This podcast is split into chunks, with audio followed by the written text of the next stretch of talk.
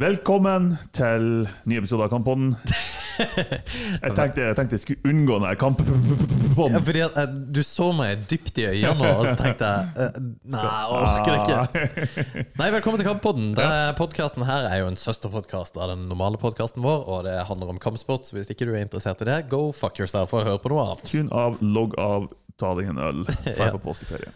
Vi, uh, i dag så, uh, Det har skjedd mye egentlig i kampsportverdenen i det siste, men en av de tingene som, som har fått litt sånn nyhetsoverskrifter, da, er jo uh, i forbindelse med korona og covid, som vi egentlig er dritlei av å prate om.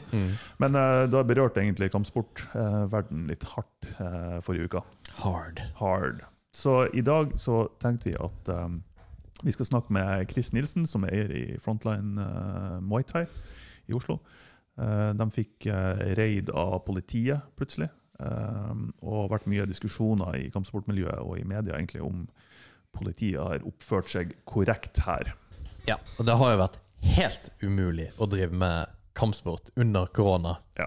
Ja, Du må holde én meters avstand. Ok, Så du må holde putene sånn som det her. hvis Ja. du skal Og det å drive med BI er jo å klemme på hverandre, så det er også helt umulig. Um, så ja, det suger litt ut at eh, politiet vil komme og banke på og uh, omtrent sparke igjen døra. Men uh, vi prater litt med Chris og hører litt om hvordan det er, og sånn ellers hva som skjer i kampsportverdenen. Ja. Og foruten om det, så er som alltid episoden sponsa av av Olsen dekk og felg.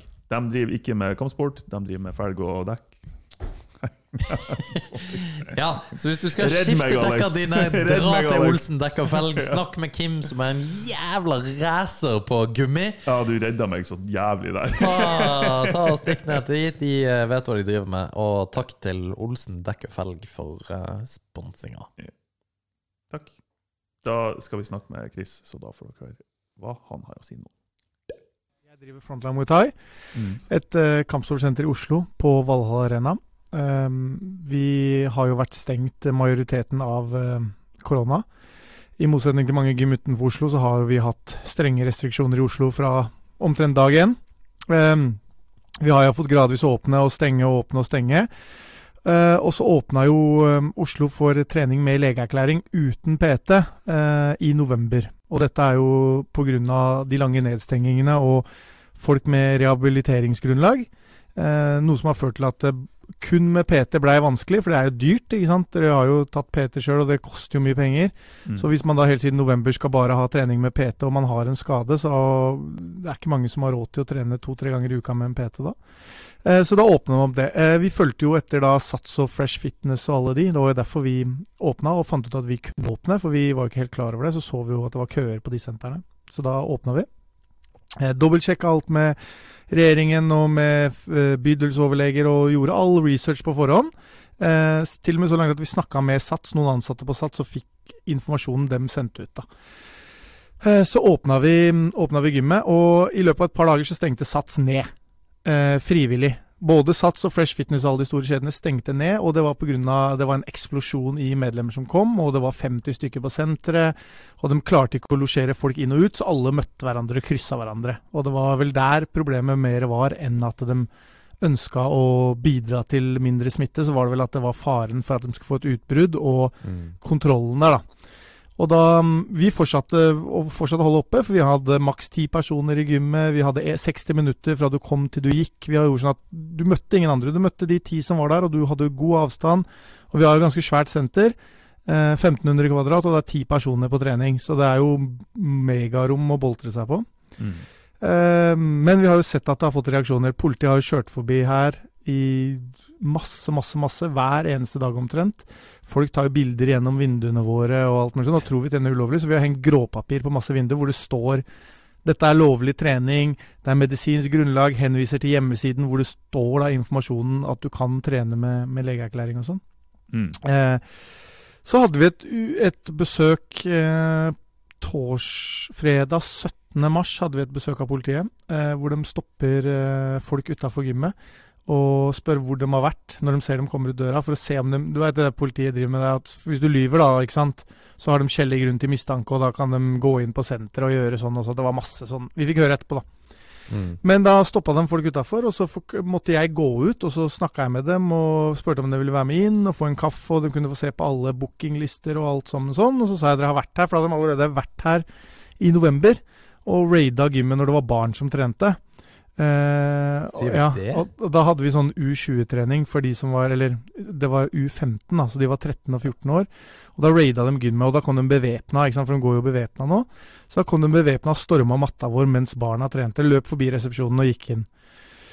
Og så, så Ja, det er, det er crazy. Og så Ja, det er ufint, og, og det er um, masse foreldre som ringte meg og sånn. Og da var jo det her da gang nummer Tror det var gang nummer tre de kom, da, den 17. mars.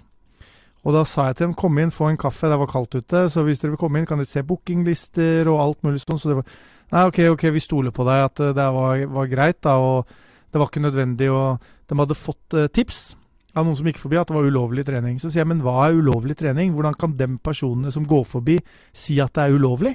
Når det er et legepapir som sier at du kan trene, hvordan vet de menneskene at de her inne ikke er lovlig? Jeg, jeg skjønner at de tror det er ulovlig. Fordi de ser noen som trener. Det er fordi de ikke vet at det er lov å trene. Mm. Men dere som politiet må jo vite at det er lov med legeerklæring, og når det står på vinduet i tillegg. Og det er det jeg syns er litt sånn rart, da. Fordi de tar et tips så alvorlig at de kommer uniformert og ikke gidder å legge fra seg våpen engang og storme gymmet fordi de mener vi trener ulovlig, når, de, når det er en regel, og de er klar over den, at du kan trene med legeerklæring. Eh, og den 17. mars så sier de at de skal loggføre at de har vært her, og gi beskjed så de ikke kommer igjen. At vi hadde alt på stell. Og det tok akkurat åtte dager, så storma de gymmet, og da løp de inn her. Mm. Eh, det, eller løp inn, de banker på vinduet, kollegaen min åpner og sier hei, hei, kan jeg hjelpe dere med noe? Så bare ja, vi får tips om ulovlig trening, samme greie igjen. Så sier han nei, her liksom trener alle med legeerklæring. Og når han åpner døra, og den er låst for at ikke folk skal komme inn uvedkommende ikke sant, pga. smitte og sånn, så slipper vi alle inn, og slipper alle ut. Så ingen kommer inn utenom treningstidene, ikke sant. Mm. Da åpner vi døra, slipper de ti ut, ti nye inn. Så da tok politimannen og stoppa døra når han åpna døra. Og så gikk han bare rett forbi han og bare ja, vi er fra politiet, vi skal sjekke. Og så bare gikk de rett inn på gymmet og begynte å konfrontere medlemmene våre. Og sier at de vil se legeerklæringa. Og så bare var det et par som nekta å, nekta å vise noe. Men en, av, en av de greiene som var litt ufint, var at de presenterte seg når de kom, som at de var fra et konkurrerende gym. Å ja, riktig, for å få innpass på et vis. Ja. OK. Altså, som jeg sier, Når du presenterer deg for å være fra et konkurrerende Oslo-gym, så bør du presentere deg, og så komme inn og være hyggelig og stå som et godt eksempel for det gymmet du kommer fra. Ikke være et asshole, liksom. Mm. Så det første Men- de sier, er, vi får ikke trene der vi trener. Så spør han ja, hvor er det dere trener da? Nei, vi trener på Frontline Academy. Ja, ok. Så kommer han inn, og så er det en asshole, ikke sant. Mm. Og tenk sånn, Hvorfor name-dropper du gymmet ditt hvis du har tenkt å være en dick, liksom? Så de, de, var, de var faktisk medlemmer hos Frontline Academy. Ja, det var ikke bare noe de sa? Nei, nei, nei, nei, nei, de, var, de var medlemmer der. Altså, jeg, jeg, jeg tror Som politi så tror jeg ikke du vil ljuge når du kommer på jobb, for de drev med kampsport. da. Mm. Um, og jeg har ikke fått bekrefta hvem de er ennå, så jeg vet ikke hvem de er. Uh, det var en politimann som, ehm, som sendte melding um, med en kompis av meg, som trener der. Og Han skulle egentlig bare spørre hva greia var, for han visste at han trente. Han tenkte kanskje det var han, Mm. men det var ikke han, da. Men det var noen av hans treningspartnere som hadde vært der. Altså, en ting jeg tenker er at eh, Hvis du er politimann og du får beskjed om å ta en razzia på et gym, eh, som er konkurrerende Første, nummer én, du, du viser litt empati, liksom litt sympati for situasjonen, og du, du, du veit hva vi går gjennom. Nummer to, du name-dropper ikke gymmet ditt og er en asshole. For det har aldri vært noe vondt blod mellom de gymmene utenom mellom på en måte ledelsen en gang iblant, ikke sant, sånn som det er med alle. Men det er, aldri, det er jo ikke noe med medlemmene og oss, ingenting, ikke sant. Mm. Så jeg bare syns hele approachen deres er feil, og måten de gjør det på, i hvert fall disse tider nå som jeg sier, alle har det tøft. ikke sant? Det er ikke noe hemmelighet at treningsbransjen og utelivsbransjen har gått hardt igjennom i korona. Eh, og vi er, en, eh, vi er en arena som er en sunn arena. Altså Utelivsbransjen og restaurantbransjen er en sunn arena som får mennesker sammen med dem òg, men ok, de har noen usunne verdier som Mm. alkohol og festing. Men si meg en usunn verdi et treningssenter har, Mm. og, og vi er normalt en megapositiv bidragsyter til hverdagen og, og til veldig mange mennesker, bl.a. disse politifolkene som var her. Eh, både for deres jobb og for deres privatliv og deres eh, hobby, så er vi en stor bidragsyter, sånn som Frontline Academy. Så kommer de inn og så pisser du på oss når du går inn, liksom.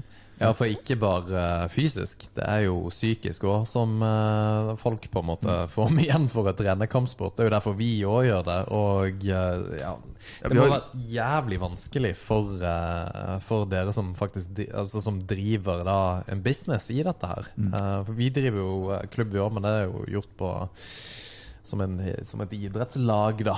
Mm. Ja, men altså, sånn, sånn som jeg skal, jeg skal skryte litt av medlemmene, i hvert fall de vi har her. At uh, vi har en fantastisk gjeng på Frontline Muay Thai som har støtta oss gjennom tykt og tynt. Nå har vi hatt oppe en del. Vi fikk jo åpne i juni i fjor. Så holdt vi åpent helt til november. Eh, vi hadde jo utetrening. Vi hadde jo mye tilbud til medlemmene. Vi har jo gjort mye proaktivt for at medlemmene skal se en grunn til å betale. Og så har vi booka en del seminarer, sånn som Roger Gracie og Dean Lister kommer. Det kommer veldig mange store stjerner hit etter korona, og de seminarene er jo gratis for medlemmene. Så Ja. på en måte så har vi sagt sånn at ønsker du å forhåndsbetale litt på seminarene, så kan du gjøre det. Vi har booka fem seminarer, eh, og de koster normalt 1500 kroner stykket, og det er gratis for alle, da. Ehm, så, men uansett, uten medlemmene så hadde vi ikke klart det. Og det, det, da syns jeg synd på mange som er nyetablerte og sånn. Nå har vi vært her i, eller vært holdt på i tolv år, og mange av medlemmene har vært her i tolv år, ikke sant.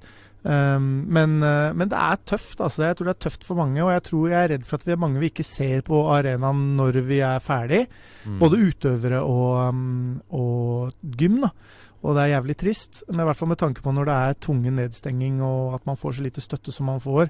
At man Mm. ikke får reell inntekt, egentlig. At man får dekka så og så mye. For noen, da, sånn som for oss som har en, eh, en enormt gym midt i Oslo, de utgiftene vi har månedlig, altså hvis de gir oss eh, 60-70% dekning, så er det fortsatt Mm. ekstremt mye vi betaler sjøl.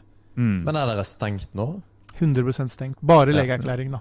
Ja, bare legeerklæring. Og det er jo minimalt av mennesker som kommer da, men det er i hvert fall et tilbud, da. Ja.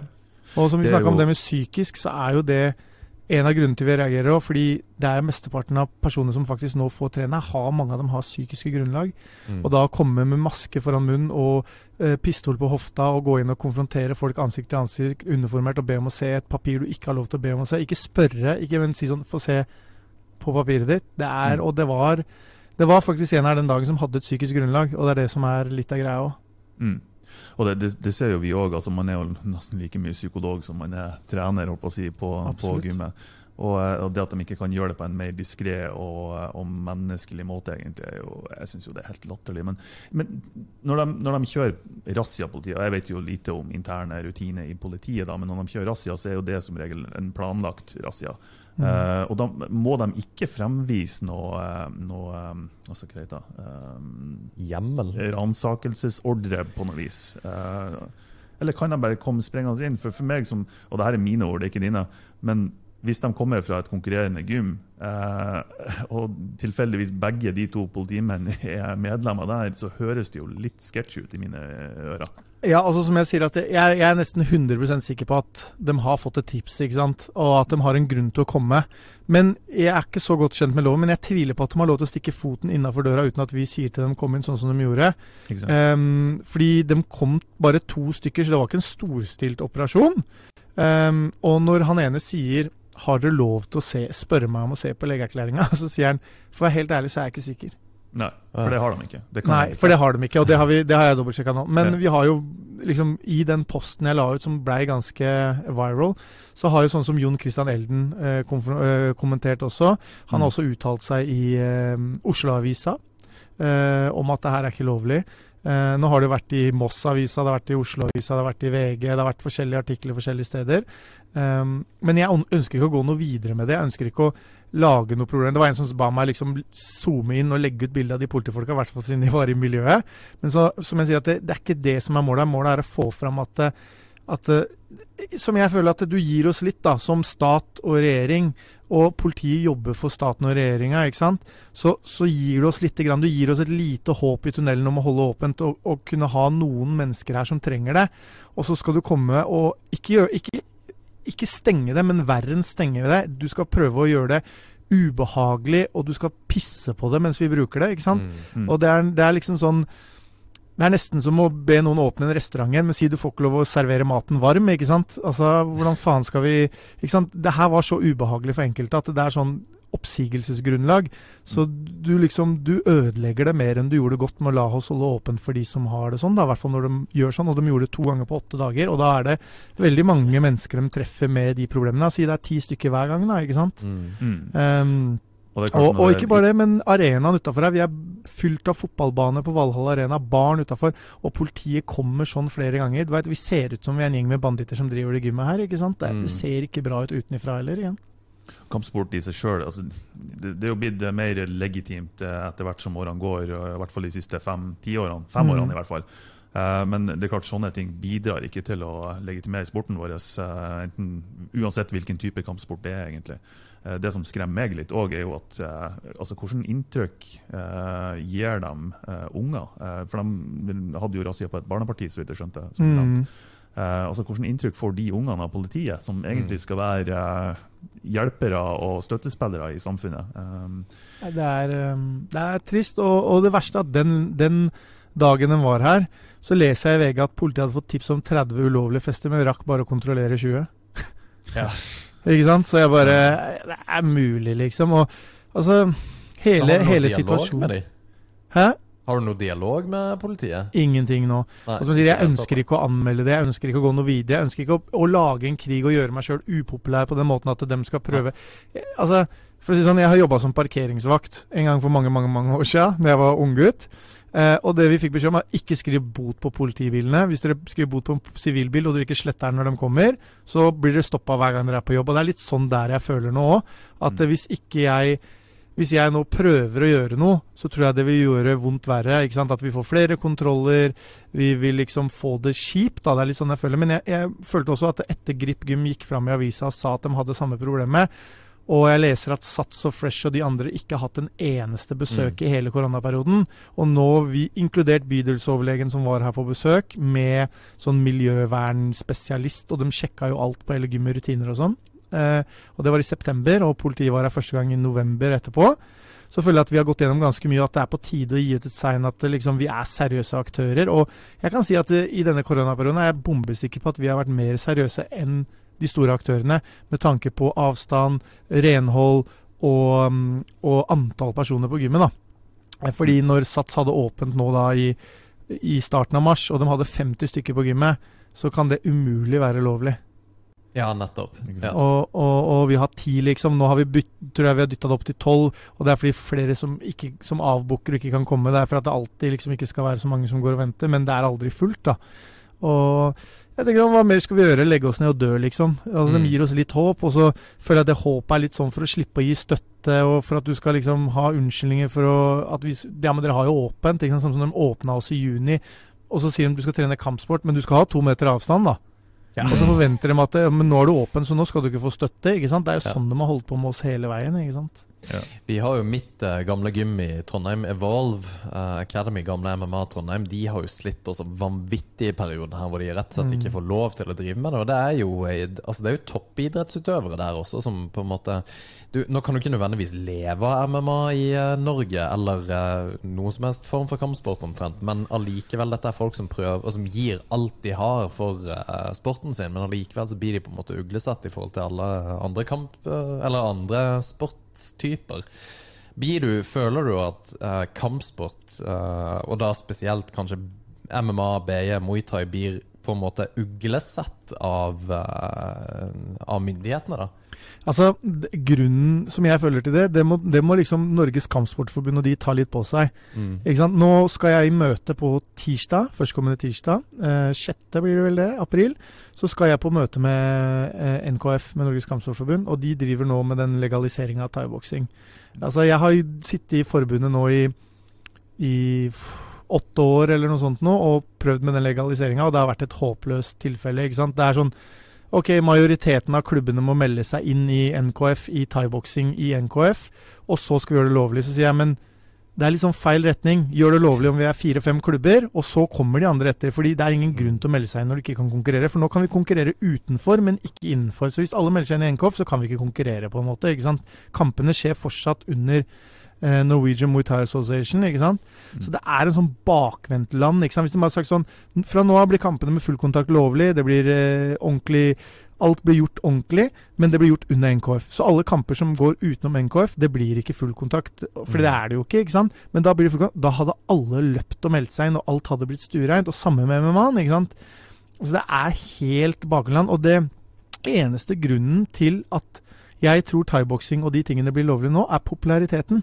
Mm. Hvor mange er det som drar og ser på de kickboksingstevnene på Bjølsen, liksom? Det er, i, I Norge, hvor du konkurrerer med uten low kick, liksom. Det ser jo Altså, sorry, ass. Det, alle dere jeg kjenner som driver med kickboksing, det ser helt noldus ut. Det er ikke kult å se to voksne menn hoppe og sprette med langbukser og bare ha lov til å sparke over livet. Vi er forbi den æraen. Og jeg har trent kickboksing på Mm. Wolfgang Vedde i mange år, det var det jeg starta med. Men vi er forbi den æraen. Det er KN, det er thai, det er MMA. Og, og jeg tror det er eneste grunnen, for vi holdt et stevne på mm, eventhallen, og jeg tror vi hadde 1000 betalende på et lettkontaktstevne i thai. Ja, ja, og det var Det er faen meg bra. ja, det var, det var, det var, og det var utsolgt. Vi hadde food vi hadde eh, DJ-er, vi hadde ring announcer fra England. Vi hadde henta inn de beste fighterne fra, fra Sverige og sånn. Ja. Mm. Så det var jo et helt sinnssykt event, og jeg tror det kan være liksom tror det er det største som jeg kan si sånn striking-eventet med slag og spark som nesten har vært i Norge. ikke sant? Disse Oslo Mm. Fight Nights som vi har holdt. Mm. Og, og jeg tror de så da at eh, heller å ha oss på laget enn å jobbe mot oss. ikke sant? Hadde jeg satt opp et sånt stevne samme dag som de har disse fullkontakts nei, kickboksingkampene sine på Bjølsen, så hadde folk valgt oss hver dag, ikke sant? Ja, ja, for det, er- det er mer show det er ut av det. Det er jo Ja, klart. ja. Men, men hva er argumentasjonen for å egentlig ikke legalisere det? Er det at vi trenger et generasjonsskifte innenfor politikken, eller Det er at jeg, jeg tror også at det er feil personer som sitter og styrer. Mm. Eh, NKF er jo ja. Ja, altså det er, NKF jeg prater med Trond der, veldig veldig ålreit, han altså. Men, men det som er greia her, er at det sitter noen mennesker Nå har det kommet en dame inn som faktisk også trener på Frontline Academy. Eh, som er, hun har vært den som har hjulpet oss å dra nå, så at vi Mm. har blitt go- go- og akseptert. Og hun er litt sånn nøytral part som liker kampsport da, ikke sant? og driver med, litt med thai og er innafor MMA og litt sånne type ting. Eh, og, og det er henne som har fått gjennom det. Altså Uten hus hadde vi vært samme stedet. Og det som er problemet, er at de som sitter og styrer, sånn som i Kickboksingforbundet og sånn, det er liksom eh, han som styrer landslaget på kickboksing, Daimi. Ehm, han styrer alt som driver med kickboksing, og for han er Jeg tror at det er et mareritt om thaiboksing blir lovlig. Mm, ja, ikke sant. Så det blir Fordi- en sånn lobbyvirksomhet mot Ja, fordi det er ikke sant, Jeg skulle på møte med, med, med Var det NKF som jeg skulle på møte med oppe på Bjølsen en gang? Og da satt han der og liksom skulle overtale oss inn i kickboksingforbundet. Og det er liksom vært en sånn hele tida at vi heller skal inn der, ikke sant. Fordi det er jo støtte per medlem. Og ingen kan si til meg at det verver like mye personer til kickboksing eller boksing, for den saks skyld, i året nå, som det gjør til thaiboksing, MMA, brasiliansk jiu-jitsu. Det er Ja. umulig. Ingen klubb er større enn de Oslo-klubbene som er store. Det er ingen klubber som driver med kickboksing boksing som er større enn de. Nei. Og det er mye medlemmer, ikke sant. Eh, har dere eh, Nå har jo du Jeg vet ikke om du er manager, men du er iallfall uh, Du er iallfall treneren til Jon Vetle. Mm. Eh, har du noen andre fightere som er sånn up and coming fra dere, som eh, vi må begynne å se på, eller? Jeg har, eh, jeg har mange, faktisk. Ja. Jeg har veldig, veldig mange. Ja, Eh, sånn eh, Angående Jon Vetle, så er jo han Han har en manager. Han er samme man manager faktisk som Jack Hermansen. Ok, Han har, eh, han har David Garcia. Så David Garcia har vært med på oss på en reise, litt sånn, hva skal jeg si, ja. sånn eh, frivillig veldedighetsreise ganske lenge. Eh, han var jo med oss til USA første gang vi dro dit, så David har vært med lenge og støtta oss sånn, litt sånn i kulissene. Men han er, han er manageren til Jon Vetle. Ja. Um, jeg har veldig, veldig mange gode talenter som er veldig unge. Jeg har en del strikere. Har jeg en hel som er 14-15 år. Som er, han ene er 12-0, har vant VM i K1 fullkontakt som 12-åring.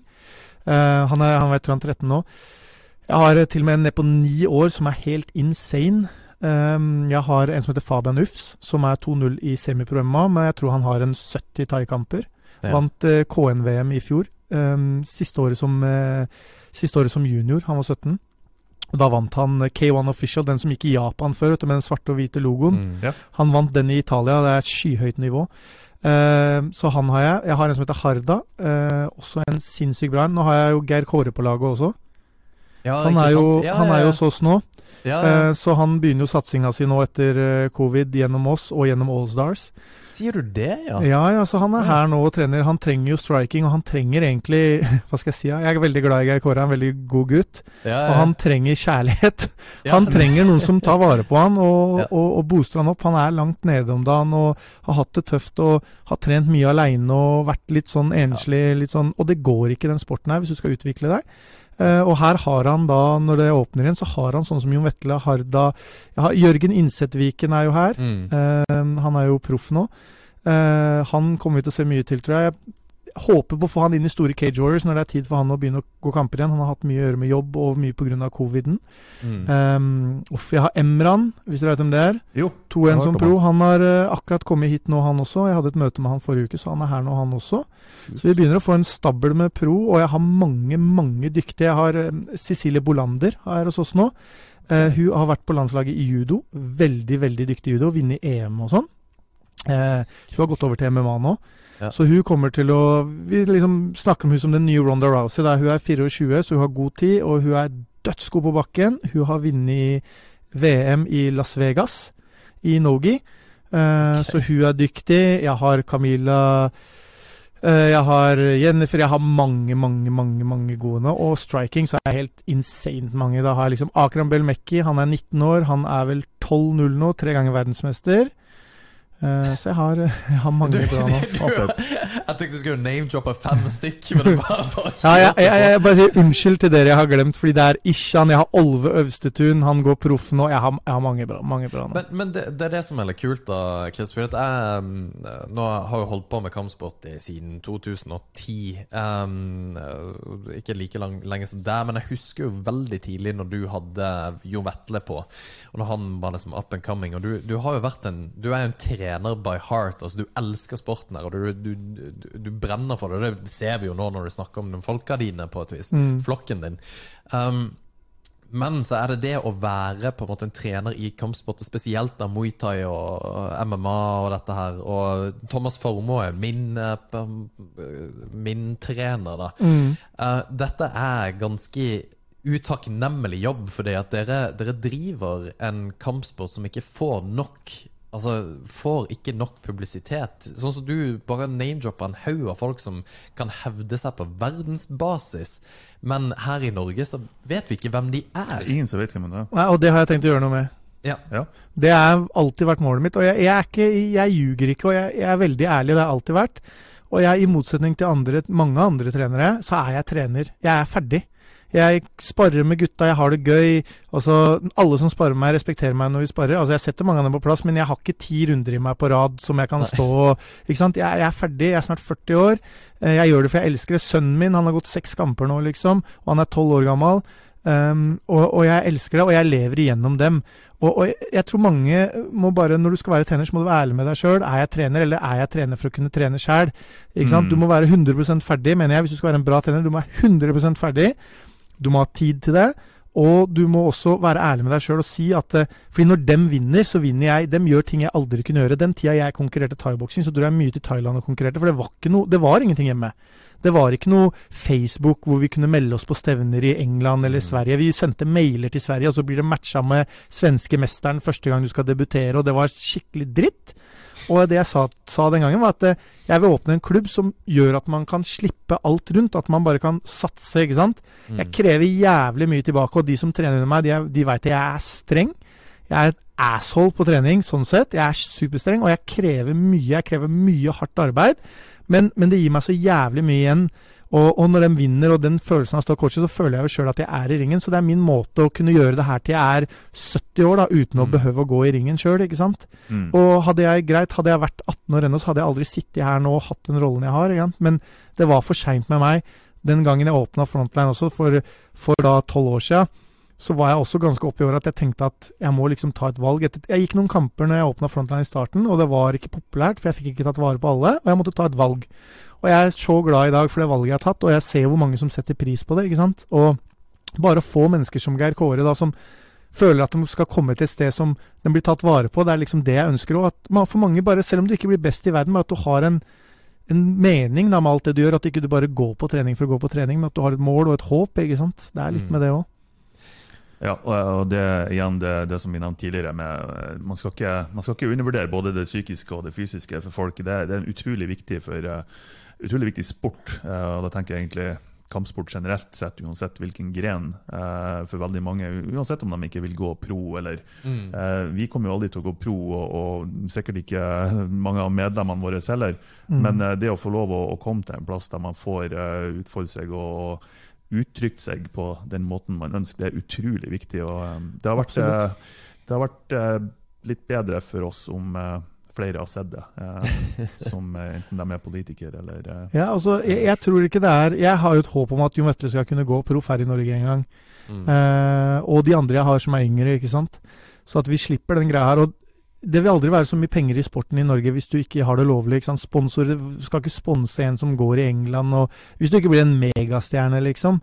Mm. Men, men, eh, men, vi kommer dit. Vi kommer dit. Vi kommer alltid etter Norge. ikke sant? Altså, jeg sier alltid pornografi var jo ulovlig i Norge for bare noen år siden. ikke sant? Det er mm. sånn, Vi kan fortsatt ikke kjøpe øl etter klokka åtte. ikke sant? Vi kan ikke, Det er så mye her. ikke sant? Så det ligger etter. Men jeg tror at det kommer Jeg, jeg tror faktisk at thaiboksing er det som kommer først.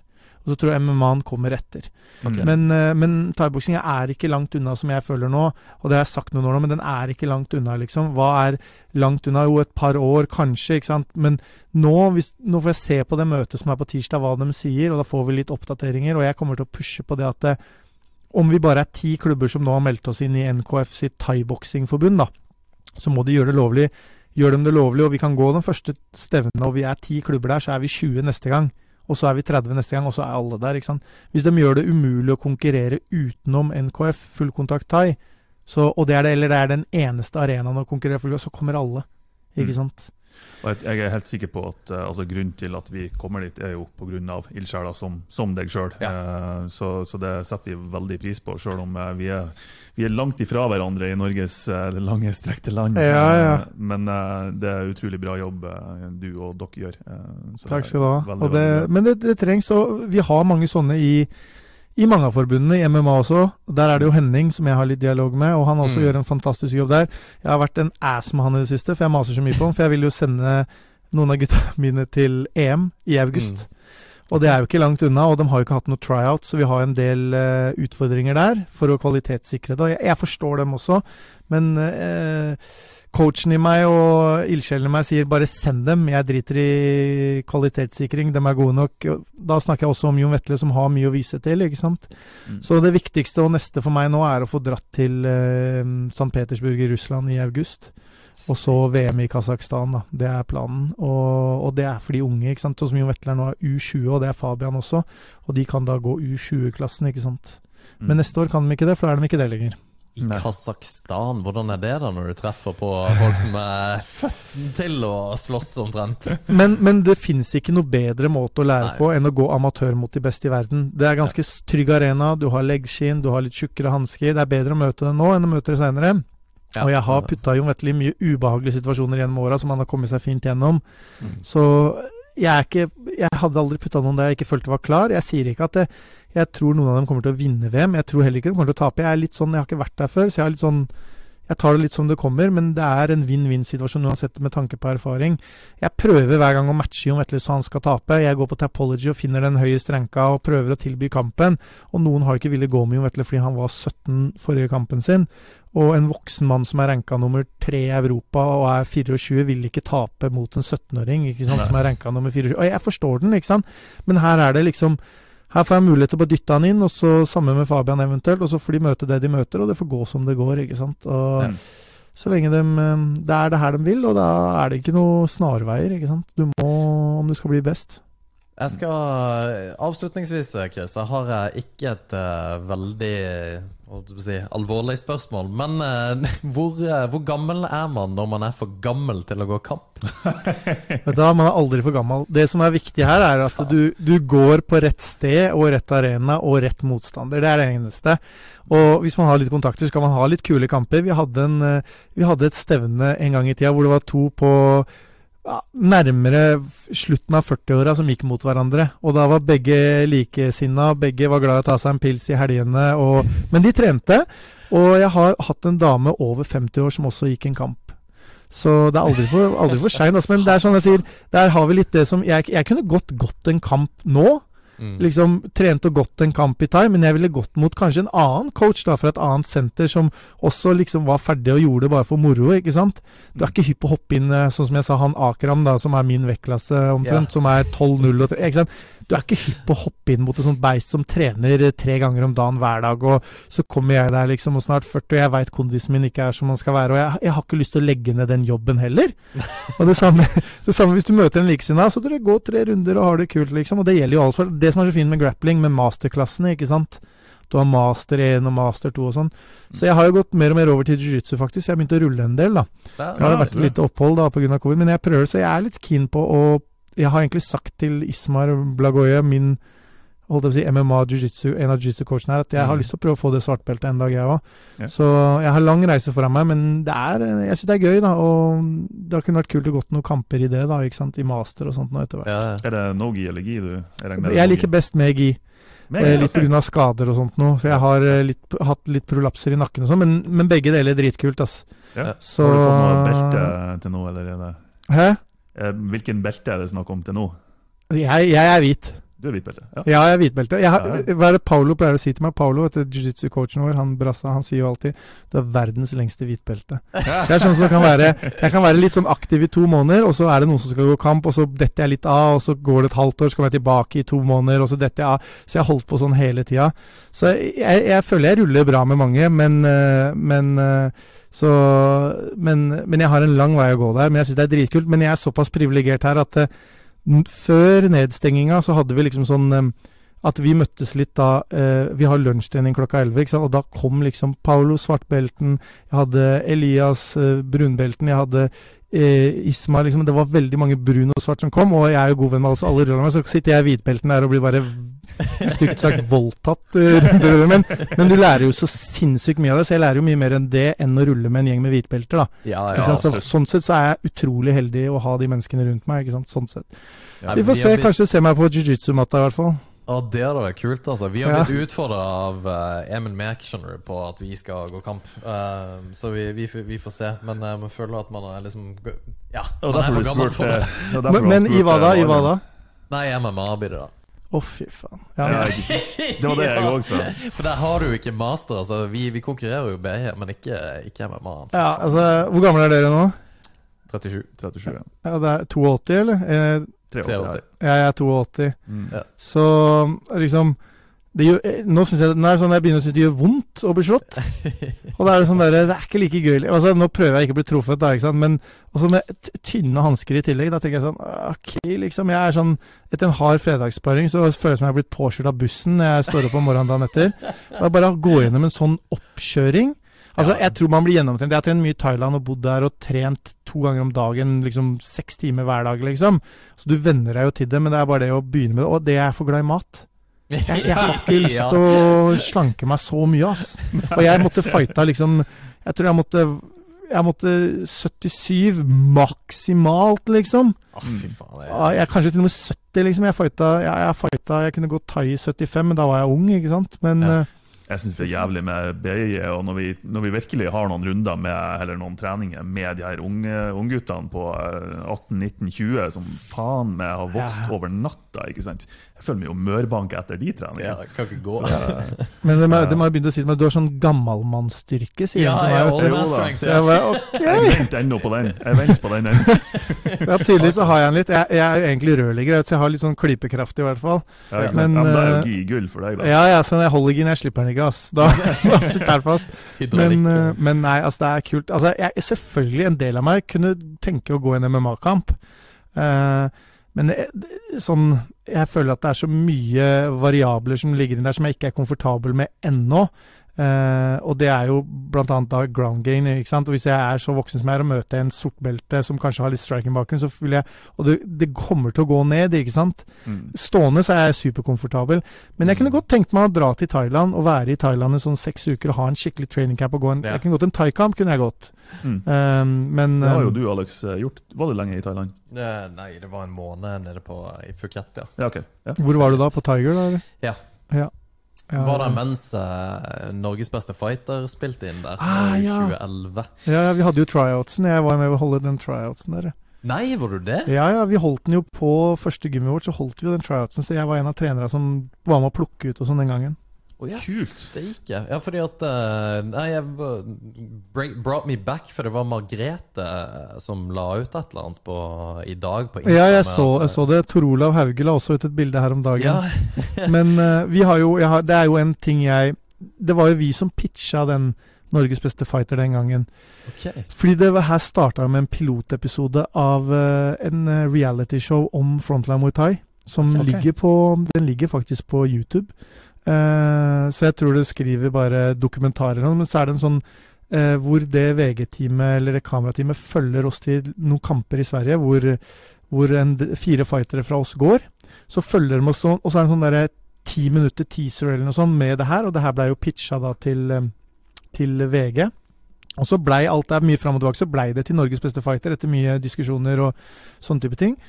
Og så var det problemet den gangen var jo at vi hadde et par gode MMA-fightere i Norge, og mye dårlig. Og det var derfor det blei blanda, blanda, blanda kampsporter. da. Ingen fikk Mm. ha MMA-bakgrunn, fordi det var liksom et par dominante utøvere i MMA, og det var det, liksom. ikke sant? For det Mm. var jo veldig nytt da. ikke sant? Så du kunne jo pitch, du kunne vite hvem som skulle vinne programmet før det hadde starta, hvis de personene meldte seg på, og det var jo en av tingene som gjorde at det Og så var de redd for ikke å få nok utøvere, ikke sant. Ja. Men det er jo en ting jeg har gått og tenkt på mye, som vi har prata om, er jo faktisk å kjøre ny en. Nei, sier du det? Å, det har vært Ja. kult. Jo, fordi Men det da er- kjører vi da kjører vi inn med, med, med MMA-bakgrunn, da, ikke sant. Ja. Ja, ikke Kjøre en 66 kilos klasse for eksempel for gutter, for der har vi mye bra i Norge. Ja. Um, så det her er noe vi har prata om, jeg har faktisk vært så langt at vi har, jeg har prata med, med noen innen TV-bransjen med det. Så vi har snakka om to ting. Det er den, og så har vi snakka om et reality-program med fire fightere som bor i et hus som man skal følge. Sånn Som satser sånn norske, sånn som da Jon Vetle og sånt. At du får Ja. losjert dem inn, si du følger dem i to år da, og reiser dem, så de bor i et hus, og man følger dem til trening, og hvordan hverdagen deres er, kamp etter kamp, hvordan de lever, og en sånn type ting. da. Så det er to ja, sånne ting vi har tenkt på, som kunne vært jævlig kult å ha på norsk TV. Og da kanskje vi hadde fått fram det aspektet av toppidretten i MMA og sånne type ting. Veldig, veldig bra. At du kan se at de ikke drikker alkohol og legger seg klokka ti på kvelden og står opp og løper og Mm. alt det de ofrer, og både glede og tårer, og hvor tungt ting kan være til tider, og hvordan man Økonomiske forhold til fotballspillere og skiløpere, hvordan man er stilt. Da, ikke sant? At det er Ja. utrolig tøft med penger og sånne type ting. Så kanskje noen sponsorer da også vil se det her, ikke sant. Så det er noen ting vi har drevet og prata om i det siste, da. Jeg tror det er viktig også at folk ser hva, hva er det som driver folk. Uh, og ikke, egentlig ikke bare innen kampsport engang, men det å se hva er det som driver folk, og hvor mye folk, folk vil villige til å gjøre for å nå målene sine, er det er appellerende til mange, veldig veldig mange. Mm. Så å få det med på eh, et TV-program av noe slag, det, det tror jeg kunne blitt eh, veldig interessant. Ja, og det, det eneste Vi i Norge vi er litt for komfortable. ikke sant? Det er veldig mange som sier de vil, men det er veldig mange som ikke vil. ikke sant? De, Mm. Vi har vi har eksempel i, i fjor, altså ikke nå nyttårsaften, det var nyttårsaften for lenge, eller holdt jeg på å si før covid, da, ikke sant. Så skulle vi ha en trening, og da er det en gjeng med folk som da satser. ikke sant? Så sier jeg ok, vi trener på morgenen på nyttårsaften. Nei, men jeg kan ikke trene på nyttårsaften, liksom. Hva er det du skal da? Nei, men det er nyttårsaften, ikke sant. Og det er sånn derre Ja. Hallo. Ikke sant? Og det er som vi i Norge, vi har det for godt, så Mm. jeg tror ikke vi veit hva tøft er, liksom. Og det er derfor jeg også liker å sende disse gutta til sånn trainingcamper i, Mm. i Thailand, hvor de bor litt sånn oppe i jungelen og lever litt sånn dårlig og sover ved siden av kjøleskapet som durer, og ikke har aircondition på rommet. Du har litt godt av det for å vite hvor godt du egentlig har det. Mm. Og så tror jeg at folk ikke skjønner hvor mye du må ofre for å nå toppen, i hvert fall innen sånn som Emma. Du, du kan ikke kjøre den fineste Mercedesen og ha de kuleste klærne og, og jobbe åtte til fire og tro du skal bli best i verden. Du må nesten Du må bo hjemme hos mamma lenge. Du må spare penga dine til turer og kamper og betale mye sjøl. Det er mye sånne ting. Og når du driver med sport òg, så er det mat. Det er grisedyrt. Du skal spise sunt, du skal spise mye. ikke sant? Det er mye ting som spiller inn. Og folk er ikke helt klar for å ikke være like kule som alle andre i ti år, og ikke ha de feteste skoa, den kuleste bilen, og ikke være med på til Magaluf og drikke, ikke sant. Det er litt de tinga der, ikke sant. Vi, med, vi hadde en episode med Emil Mek eh, ja, det er nå en stund siden, da, ca. et år siden. og han, han nevnte jo en del av de samme tingene som du nevner nå. eh, der, der han hadde fått hørt tidligere eh, altså kommentarer om fightere. Ja, han er så flink, han er så flink. Ja, han er flink, men har han alt det andre som skal til for Mm. å lykkes? Det er et helt annet spørsmål. Mm. Det var Emil Mek sine ord, da, vel å merke. Ja, ja, men det Eh, er så, sant, det. Ja, det, det er mye som skal til utenom selve grunnferdigheten. Eh, Og en av, en av tingene? De sier alltid du kan aldri lære hjertet, og det kan du ikke. ikke sant? Er du ikke tøff nok, så har du det ikke. Og tøff spiller inn på så mange måter. her. Du skal Mm. tøff, du skal kjempe gjennom det psykiske, du skal være på training camper, du skal ha det ubehagelig mange ganger, og du skal være i kjipe situasjoner. Altså, Jeg har vært på treningsleire i Nederland aleine og sparra med de beste gutta fra Glory og sånn. Kjenner ingen, ikke sant? og de senker deg første dagen, og alle ler av deg, og det er den kjipe stilen her. Mm. Men ikke sant? når du biter tenna sammen, da, og dagen etter så tenker du jeg skal faen meg senke en annen en. Så Jeg hadde sånn mentalitet, og da kommer du deg gjennom det, og du lærer så jævlig mye av det. Mm. Og jeg tror Hvis du hele tida går på sånne puter og har det bra, du blir aldri tøff nok. Og altså, Det er en grunn til at de eh, eh, nasjoner sånn som tsjetsjenerne og mange av de som kommer fra tøffe kår ikke sant, eh, Armenere innen kickboksing, KN, den stilen der. Det er spesielle nasjonaliteter som skiller seg ut, og det er selvfølgelig pga. oppveksten og hvordan de har det. ikke sant? Mm. De er tøffere enn nordmenn. Vi nordmenn vi er en gjeng med pingler generelt. Og det, men sånn bare er det. ikke sant? Og det er trist å si det sånn. sett, Altså, det er mye positivt. Jeg skulle aldri ønske at barna mine vokste opp noe annet sted enn her. Ikke sant? Men skulle sønnen min drive med MMA, så ville jeg nok ikke at han skulle vokst opp sammen med meg. Sånn, for jeg behandler sønnen min bra. ikke sant? Jeg er jo ikke kjip med han. Spør han skal vi trene i dag. Nei, jeg orker ikke. Ah, ok, greit, da, da driter vi i det. Da kan du spille Fortnite. ikke sant? Vi er jo der. ikke sant? Jeg er jo ikke noe annerledes på det mot sønnen min her, men på de utøverne mine som sier at eh, jeg vil satse, jeg vil bli best, så er jeg ikke der. Nei. Da har de tatt et valg, og da må du stå for det valget, ellers kan du bare pelle deg ut. Jeg tror det er litt med også at, eller litt, jeg tror det har veldig mye med at uh, mange i Norge de fighter fordi de har lyst, mens uh, enkelte andre i utlandet de fighter fordi de må. Mm. Det er eneste formen for inntekt Ja, de det er har gjerne òg. Så um, Og det, det kan være en bra greie med å ikke ha en plan B for mye. ikke sant? At det, den, Ofte en plan B går for at jeg skal ta meg en utdannelse, så går du tar deg en utdannelse. Jeg tror jeg tar meg universitet òg. Tar du universitet, så får du deg en jobb. Tar du lærlingtida, så får du jobb. Og så plutselig har du så bra betalt, så er det ikke like attraktivt mer. Så du har gjort det egentlig sånn. Igjen, hvis du gjør det litt ukomfortabelt for deg sjøl, og presser deg sjøl litt, det er aldri for seint å ta deg en utdannelse når du er 6-27, hvis du skjønner at det her går ikke veien. ikke Mm. sant? Mm. Men jeg tror det er viktig, for man har bare én mulighet til å følge den drømmen. Plutselig er du for gammel, og det er for seint, ikke sant. Så Ja, det, var nesten ordrett det Emil sa også i, i poden podden vår. Mm. Du, Tusen takk for at du orka å ta en prat med oss, Chris. Jeg, jeg Bare håper hyggelig. at eh, det går bra med Frontline Muay Thai, og at dere ja. faktisk er å reise dere igjen etter det vi skal klare det, vet du. Ingen Ja. tvil. lykke til, i hvert fall. Det, Og så håper jeg at dere blir eh, Ja, at eh, de ikke kommer inn og banker på døra mer nå, da. Da skal de se meg i avisa med advokat. Ja, ja, bra. Så eh, melding til politiet. Kan dere fuck off? Ja, Ok, er gutta. Dere får ha god påske. I like måte. Ok, ha det. Ha det bra. Hei.